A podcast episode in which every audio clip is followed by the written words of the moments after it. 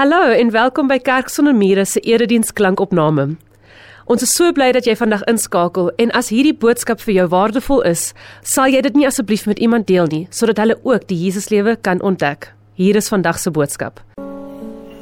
Here ons maak ons lewe elke keer oop en vanaand ook vir die Heilige Gees. Dankie dat ons ook wanneer ons nou sing wanneer ons ons lewens op so 'n manier verbind met U dat ons ook die hoop en die geloof het dat U ook deur die woord ons sal ontmoet. U woord is lewendig en kragtig. U doen met U woord waarvoor U dit uitstuur. U berei die grond voor, gee dat dit vanaand goeie grond sal wees in ons elkeen se lewe. Ons bid dit in die naam van Jesus. Amen. Ek onthou 'n klompie jare gelede sit ek en my vrou eendag by 'n ete waar ons eintlik nie die mense aan die tafel rondom ons ken nie by 'n verjaarsdag. En soos dit gaan, sit almal in gesels en eers maak iemand 'n opmerking of haal 'n Bybelteks aan en in een oomblik ontaard die hele ete. Die persoon reg oorkant my trek los en sê vir die persoon Weet jy waar staan daai Bybelteks wat jy pas aangehaal het? En die persoon sê iewers in die Bybel, hy sê nie goed genoeg nie. Nie goed genoeg nie. Ek kan vir jou sê, dit staan in die Markus Evangelie. En hy sê vir die persoon, "Hoeveel hoofstukke het Markus?" En die persoon sê, "Ek weet nie." En die persoon sê, "Ek kan vir jou sê 16." En hy kyk so rondom die tafel en hy sê, "Nou wie van julle kan vir my bietjie iets vertel van Markus?" Hy sê julle klomp Christene ken mos die Bybel. En almal sit daar met 'n mond vol heilige tande en almal kyk vir my en ek sê dis nie my partytjie nie. Ek um, Ek gaan nie help nie. Ek wil graag sien hoe kom Christen uit hierdie eenheid. En hy trek los en hy hou vir ons 'n lesing oor die Markus Evangelie. Vertel vir ons presies hoe hierdie 16 hoofstukke lyk. En trek elke kort kort los en vra 'n paar kritiese vrae vir die Christen aan die tafel en hy sê vir hulle shame on you dat julle sê julle glo in die Bybel, julle ken God, maar julle ken nie sy boek nie. Ek is 'n ateïs sê hy. Ek glo niks van hierdie nie. Maar ek ken julle boek. Hy sê ek kan vir julle vertel van Matteus ook as julle wil en van Markus en hy trek los en hy begin en hy vat ons later in mandaïstiese literatuur en dis gnostiese literatuur uit die 2de eeu en toe dink ek vir myself, myself, so kan dit ook nou nie gaan nie. En ek sê vir meneer regtig, nee wag, jy praat nou nonsens. En toe wil hy nou met my beklein, ek sê ons gaan nou nie die ete ruïneer nie. Kom ons praat beskaaf met mekaar en ons gesels later. Ehm um, ek het toe uitgevind na die tyd hy's uh sy vrou het met my kom praat. Hy's 'n uh, hy 'n um, bekende ou gewees. Hy's nou oorlede, medikus wat 'n ongelowige is en een van sy redes vir sy ongeloof dis die skrikwekkende onkunde wat Christen het oor die Bybel. Hy sê jy, jy kan ons nie vir mense sê jy glo in God, maar jy ken nie die Bybel nie. En toe het hy besluit saam met so drie ander ouens en ek het 'n paar lopende gevegte, dit was nie van my kant af geveg nie, maar van hulle kant af met my. So 'n paar keer saam met hulle gesit, drie medisy, hoogs intelligente ouens. Wie se stokperdjie dit letterlik was om een keer 'n maand vir 2 ure saam te kom die Bybel te bestudeer en dan is dit hulle speletjie om Christene in 'n lokval in te trek met hulle kennis. En die kersie op die koek was as hulle geestelike leier kan vat en so iemand kan verneder. Ek dink nie dit is 'n gesonde manier nie, maar dit het nog altyd my hart gebreek dat Christene die Bybel eintlik nie ken nie. Ek onthou ek is deur die Sondagskool sonder dat ek ooit 'n Bybelboek gelees het. Regtig. Ek het dit ook al in 'n vorige preek nou die aand hier gesê. En daarom het ek nog altyd ehm um, vanaf die Here met my begin 'n pad loop het gesê daar's een ding. Daar's een geheim. Die die besbewaarde openlike geheim van die Christendom. Is dat mense net die woord moet leer ken. En ek onthou toe ek nou die aand hieroor gepraat het, het ek vertel van Prof Anna Neutling Pool wat Afrikaans gegee het by Tikkies, wat die Lukas Evangelie het op kop geken het. So wat ek gedink het omdat dit nou lydingstyd is. So om net vanaand te sê, kom ons gaan staan vir 'n oomblik stil by Markus. Kom ons kyk net in hierdie 20 minute of ons kan vir mekaar sê, hoekom is die Markus Evangelie in die Nuwe Testament? Is dit 'n goeie deel? Kan ons dit doen? OK. So. Wat doen jy? Wat doen jy as die wêreld in mekaar val? In Rome. En jou naam is Paulus. En jy's op soos die Engelse sê death row. Hulle gaan jou doodmaak. Jy weet dit. En Petrus, die ander groot leier van die kerk is na ander tronk in die jaar 64. Ons weet keiser Nero het uh, waarskynlik in die jaar in Julie Augustus in die jaar 64 Rome afgebrand en die skuld op Christene gesit en in daai tyd sterf die twee groot leiers van die vroeë kerk en Paulus en Petrus. Wel dan skryf hy die tweede Timoteus brief vir Timoteus en hy sê vir Timoteus Net Lukas is hier by my, die skrywer van die Lukas Evangelie. God dank hy was by Paulus. Hy sê vir hom daar in 2 Timoteus 4 en stuur Markus na my toe. Skrywer van die Markus Evangelie.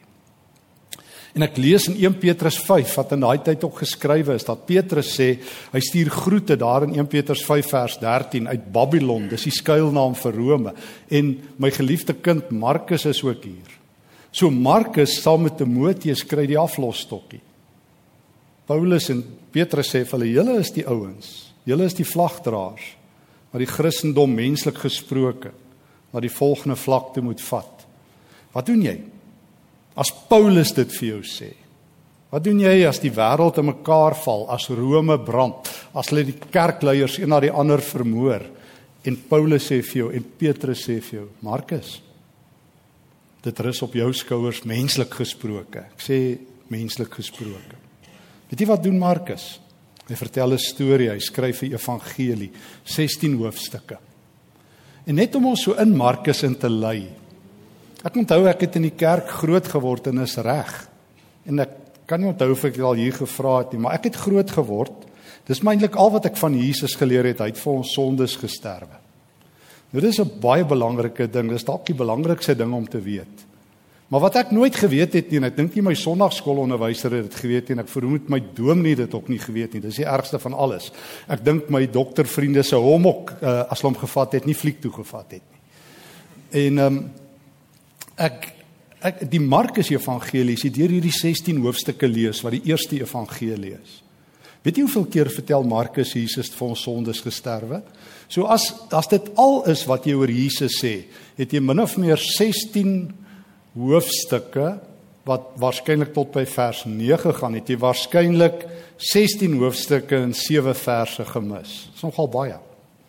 Want Markus sê eintlik net twee keer Jesus het vir ons sondes gesterwe. Markus 10 vers 45 en daar in Markus 14, daar in vers 23 rond sy vertel van die Paasfees dat Jesus die Paasfees instel. So die vraag is, hoekom skryf Markus die evangelie? Onthou nou, hier's die prentjie. Hy sit in Rome Paulus hulle is besig hulle is op hulle is op doodvonnis. Paulus is 'n paar weke waarskynlik van sy dood af. En Petrus is besig, hy's amper reg om vermoor te word deur die Romeine. En Markus kry 'n pen om die wêreld mee te verander.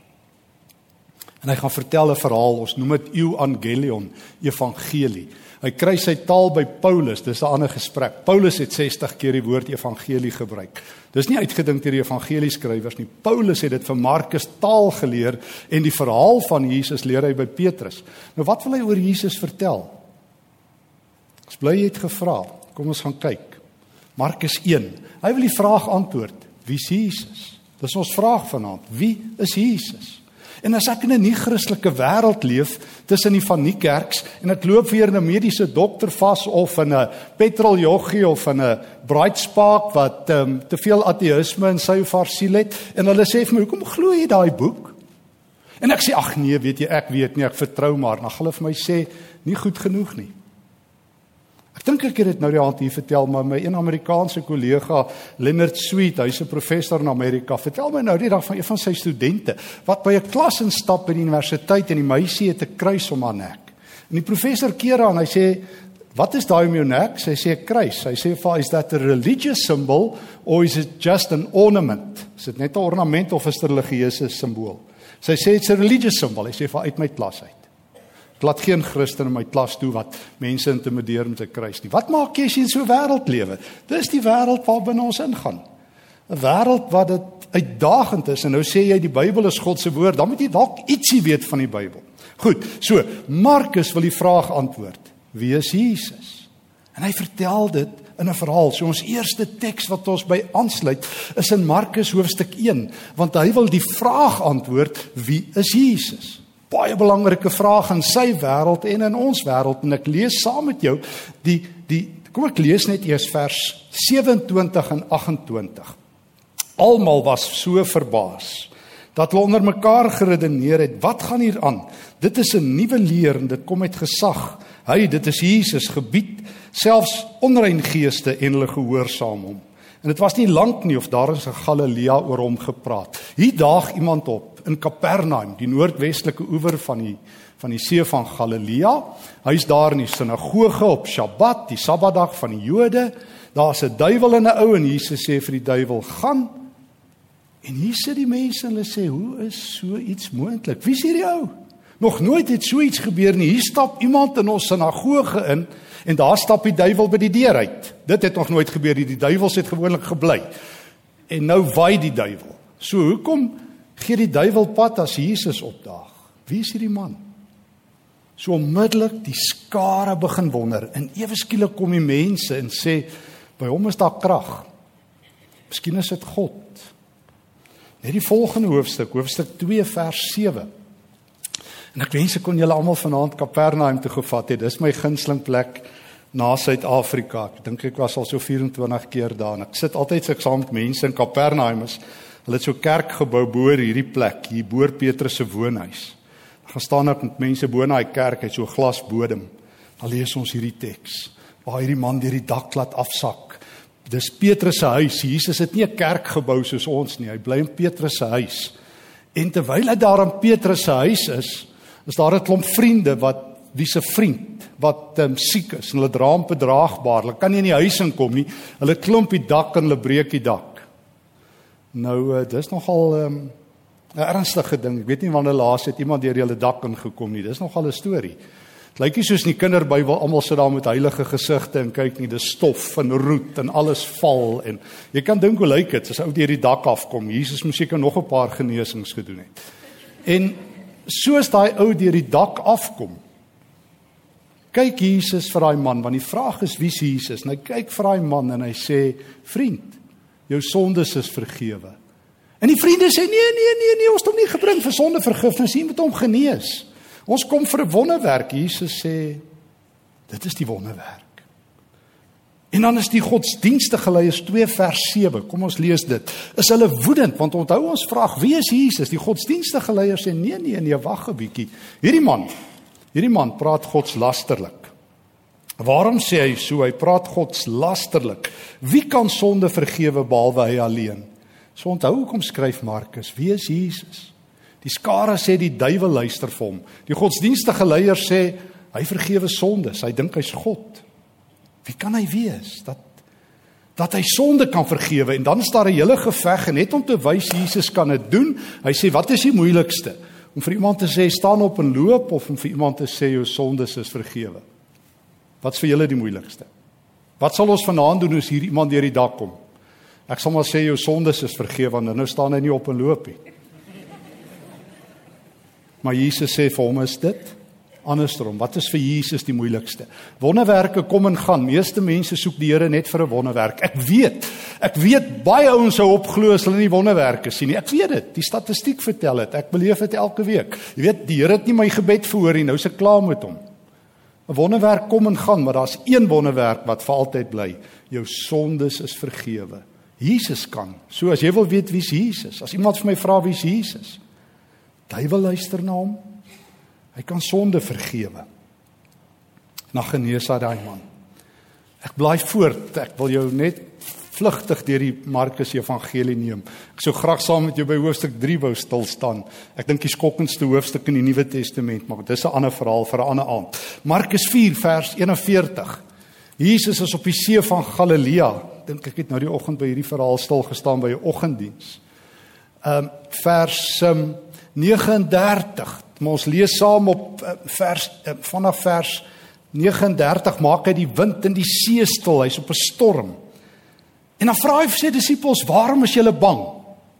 Miskien soos hierdie naweek, party ons noem dit lang naweek en ander ons noem dit bang naweek. Ehm um, ek weet nie hoekom nie. Waarom is julle bang? Waarom is julle bang? Het julle dan nie geloof nie? Hulle is met groot ontzag vervul en vir mekaar gesê, "Wie kan hy tog wees dat die wind en die see vir hom luister?" Dis die derde keer in Markus wat ons nou lees dat mense wonder wie Jesus is. Ouens wonder as hy die duiwel uitdryf, wie kan hy wees? Die godsdienstige leiers sê ons dink hy's hy is godslasteraar. Die disippels sê wie kan hy wees dat die wind en die see vir hom luister? As jy die Ou Testament goed ken, as jy die psalms goed ken, luister die wind en die see net vir een persoon. Naamlik God. Net God kan met die wind praat en dan kan die wind bedaar of sterker waai. November maand was ek saam met 'n groep ouens daar by die see van Galilea en dit was juis een van daai dae. Ek onthou ons vat altyd die ouens so laatmiddag op die see van Galilea as ek daar is en uh daai oggend bel die ouens ons sê daar's 'n groot storm die dag. Ons moet vroegoggend op die see kom. Die middag gaan die see. Dis 'n vars watermeer. Dis al Israel se water wat daar lê. Um kan ons nie op die boot wees nie. En toe ons op daai boot klim, toe kon ons net 20 minute bly in plaas van 40. Toe toe beleef ek iets en ons nogal hierdie teks ook gelees hoe dit is op daai see. En Jesus lê in slaap. Nou jou naam is of Jona in Jona 1 as jy vlug as jy op 'n skip slaap of jou naam is God. Ek weet nie wanneer laas jy op 'n klein bootjie geslaap in 'n storm nie. Ek dink nie jy kan nie. Behalwe as jy God is. So Jesus slaap en hy kyk vir die wind en die see en daar bedaar dit. Soos iemand vir my sal vra wie is Jesus? As ek vir hom sê die duiwel se hardloop, weet jy hoe weet ek dit? Want sy evangelie vertel dit vir my in Markus 1. Weet jy wie is Jesus? Hy kan sonde vergewe. Weet jy hoe weet ek dit? Want hy het dit vir my vertel in Markus 2. As jy wil weet wie is Jesus? Die wind en die see is bang as Jesus opdaag. Hulle bly stil. Want die wind raas, dis wat ons dit noem, né? Die wind raas. Jy het al agtergekom, wind raas, maar as Jesus praat, bly die wind stil. Dan is die wind choop stil. En die see is kalm kom in Markus 6 in sy tuisdorp. Ek lees saam met jou vers 2 en 3. Hy kom in Nasaret waar hy groot geword het. Nou Nasaret in die eerste eeu, vandag is dit 'n groot Palestynse dorp waar die meeste Christene vandag in um, Israel bly eintlik in Nasaret. So 'n bietjie in Bethlehem ook. Maar as mens vandag daar kom, is dit 'n baie besige plek. Maar in die eerste eeu was dit soos die Hollanders sê 'n one horse town waarvan die perd ook dood is. So jy het nooit uh ouens het letterlik vir 100 jaar of wat gesoek om Nasaret op te spoor. Dit was eintlik net grotte en krotte en dit was maar 'n haglike plek. Nou kom Jesus daar waar hy groot geword het en op die Sabbatdag het hy mense begin leer vers 2 in hulle sinagoge. Hulle het geluister, hulle was aangegryp en toe begin hulle dink, "Huh, Dis mos ou Maria wat hier bly in daai vier wille heel billie seuns, Josef en Jakobus en Judas en Simeon. Dis mos nou hulle boetie. Nou wat se stories is dit nou hierdie? En toe kon hulle nie in hom glo nie. Hy is die timmerman se seun, broer van Jakobus, Josef, Judas en Simeon. Daar leer hy somme Jesus het vier boeties gehad, aardse boeties. En twee susters. Ons weet hulle name is Maria en Salome in buitebybelse bronne. En hulle wou niks van hom weet nie. Hulle sê laat jy met jou lyf skuif. Daar gaan jy. As jy Lukas se weergawe leef, lees, dan sit nog erger. Lukas 4 wil hulle hom en ek het nou eendag vir die ouens vir jy gewys in Nasaret is hoog, hy's op kraanse, wil hulle hom afstamp. Hulle wil hom stenig. Baie keer het jy ouens gestenig deur hulle van rotse af te stamp en dan met klippe dood te gooi. So Nasaret sê nee wat, hy sit lig. So ek kom agter Jesus kry verskillende reaksies. Baie mense sê hy's God se seun. Baie ons twyfel. Markus 8. Jesus besluit om saam sy disippels noord te loop, seker so 70 80 km noord, heidaglik op die kaart naby Sirië, naby die Siriëse grens. Caesarea Philippi. Dis die mees heidense plek waar Jesus kom is eintlik amper die enigste groot stad van die Romeinse keisers het daar gaan vakansie hou. Die Romeinse bosgod Pan, Banias, vandag staan dit so bekend, is daaraan bid. Nou kom Jesus in hierdie heidense plek, dan kyk hy so vir Petrus hulle en dan hou hy aan met die vraag: "Wie sê die mense is ek?" En dan antwoord hom, hy sê Johannes die Doper vers 27, Ander sê Elia, party van die profete, dan draai Jesus om en sê en julle? En julle?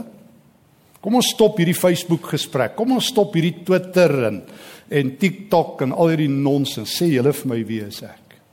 Wie sê julle? Kom ons hou op om die res te vra, opinies te vra, mense te vra. Wat sê jy? En dan sê Petrus: U is die Messias. Dis wat dit beteken Christus is die gesalfde. Christus kom van die Hebreëse woord Mashiach af waar die naam Joshua vandaan kom, Yeshua. En Christus is die Griekse naam daarvan. U is die Christus. U is die gesalfde. So Wie is Jesus? Die duiwels luister na Markus 1. Wie is Jesus? Die godsdienstige leiers en twyfelaars sê hy's 'n godslasteraar. Baie mense sê ag hy's maar net iemand wat 'n paar mooi goedjies gesê het. En jy? En jy? Hy's die een wat my sondes vergeef het, Markus 2. Hy is die een na wie die wind en die see luister. Markus 4 en saam met Petrus. U is die Christus. In Markus in Matteus 16 sê Jesus een belangrike ding by wat Markus nie aangehaal het nie. As Matteus dieselfde verhaal in Matteus 16 vertel, dan sê Jesus Petrus. Uh, dan verander Jesus Petrus se naam. Onthou sy regte naam is is um, Jona. Dan sê Jesus ons gee vir jou 'n nuwe naam. Petrus, Petros. Rocky. Dis wat dit is. Hy's die eerste rots. Petros en op hierdie Petra, op hierdie belydenis sal ek my kerk bou. En nie eens die hel sal dit stil maak nie. Nie eers die hel sal die kerk stil maak nie. Weet jy hoe lank bestaan die kerk? Langer as Coca-Cola, langer as uh, Microsoft, langer as Apple. Hulle kom en gaan en die kerk het nie geld nie en het nie het supergoeders nie, hulle het nie internet gehad nie en Jesus sê elkeen wat sê ek is die Here, Nie is die hel sal die kerk stil maak nie. Nie is die poorte van die hel sal my kerk stop nie. Maar 2000 jaar is Christus se kerk lewendig en kragtig. Soos mense vir my vra hoekom glo jy dit? Nie Christene. Daai storie, dan sê ek storie, nê. Kom ek vertel vir jou 'n bedtime story. Jy glo in nonsens. Nou dag vir 'n ateës gesê behoort 'n beter ateës te wees. Al wat jy het se paar skree teksies wat jy op my loslaat. Jy behoort 'n beter ateës te wees. Kan ek jou help om beter te twyfel sodat ek jou by die Here kan kry? Nou dag vir my ander nie Christen vriende gevra, wat nou mense as jy 'n Christen kry en jy jy begin twyfel, die Engelse sê jy's 'n backslider. Sê vir my jy's 'n backslider ongelowige, jy begin in geloof ingly. So ons net aanhou laat jy backslide. En uiteindelik druk die knoppie heel vorentoe. Markus 14 vers 61. En ek spring oor 'n paar tekste en ek spring oor die groot vraag van wie Jesus is en hy kom in Jerusalem aan. En ons is die donderdag aand in Jerusalem in die hart van die hart van Joodse godsdiens en hy staan voor die groot kahuna, voor die hoofpriester. En die hoofpriester vra vir hom in hoofstuk 14 vers 61. Nou wie is jy regtig? Onthou jy? Markus 1, wie sê die skare laat die duiwels luister? Markus 2, die godsdienstige leiers, Markus 4, die disippels laat die wind na hom luister. Markus 6, Nasaret wonder, Markus 8 vra Jesus vir die disippels en uiteindelik staan hy voor die staan die twee verteenwoordigers van God op hierdie aarde in Jerusalem voor mekaar. Bid jou dit aan. Die hoofpriester wat die godsdiens van Israel verteenwoordig en die seun van God in sy Vader se aardse hoofstad en hy vra vir hom: "Nou wie is jy regtig?" Sê nou eens en vir altyd vir my. Maar Jesus antwoord nie, hy vra hom weer: "Is jy die Christus, die seun van hom aan wie die lof toe kom?" Ek is. En jy sal die seun van die mens op die wolke sien, uh, uh aan die regterrand van God en wanneer hy op die wolke kom. En dan vermoor hulle Jesus omdat hy dit gesê het. Die kruis is 'n moord. Hulle vermoor Jesus. Maar ek los die beste vir laaste. Markus 1 vers 11. As jy regtig wil weet wie Jesus, weet jy wie moet jy vra? Nie vir Markus nie, nie vir uh die skare in Kapernaum nie, nie vir Petrus nie. Jy moet vir God vra. Want God weet. Markus 1 vers 11. Heel aan die begin, voordat hierdie evangelie eers begin, ontplof dit wanneer Jesus gedoop word in die woestyn. En dan sê God wanneer sy kind gedoop word. Markus 1 vers 11 toe die Gees soos 'n duif op hom neerdal, was daar 'n stem uit die hemel wat sê: "Jy is my geliefde seun. Oor jou verheug ek my." So Markus sê eintlik heel aan die begin en ek het doelbewus oor dit gelees. As jy wil weet wie Jesus is, as jy in 'n nie-Christelike wêreld tussen vriende wil weet, as jy 'n kits kursus wil loop oor Markus 16 hoofstukke. As jy dit nog nie deur gelees het nie, hier is dit. Jesus is God se seun. God sê dit. Petrus sê dit.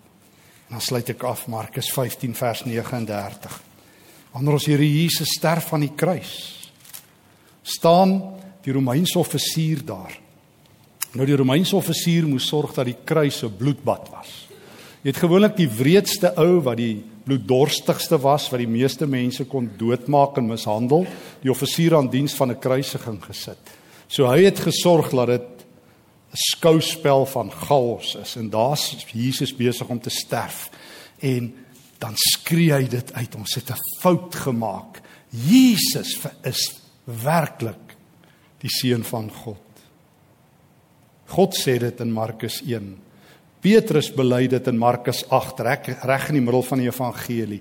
En die grootste sondaar in Markus, die man wat die spykers deur Jesus laat kap, die man wat sê kruisig hom, is die eerste bekeerling. Miskien is die man van Lukas 23 ook een wat sê dink aan my Here. Maar hier kom 'n man tot bekering. So jy sê hierdie wêreld kan nie verander nie. Jesus kan mense wat hom vermoor red by sy kruis. En daar verander die wêreld. So Paulus sit in Rome. En hy sê Markus, jy moet die wêreld in die Here se naam gaan verander en hy vra hoe meneer Paulus. En hy vra vir Petrus hoe en hy sê kan jy skryf?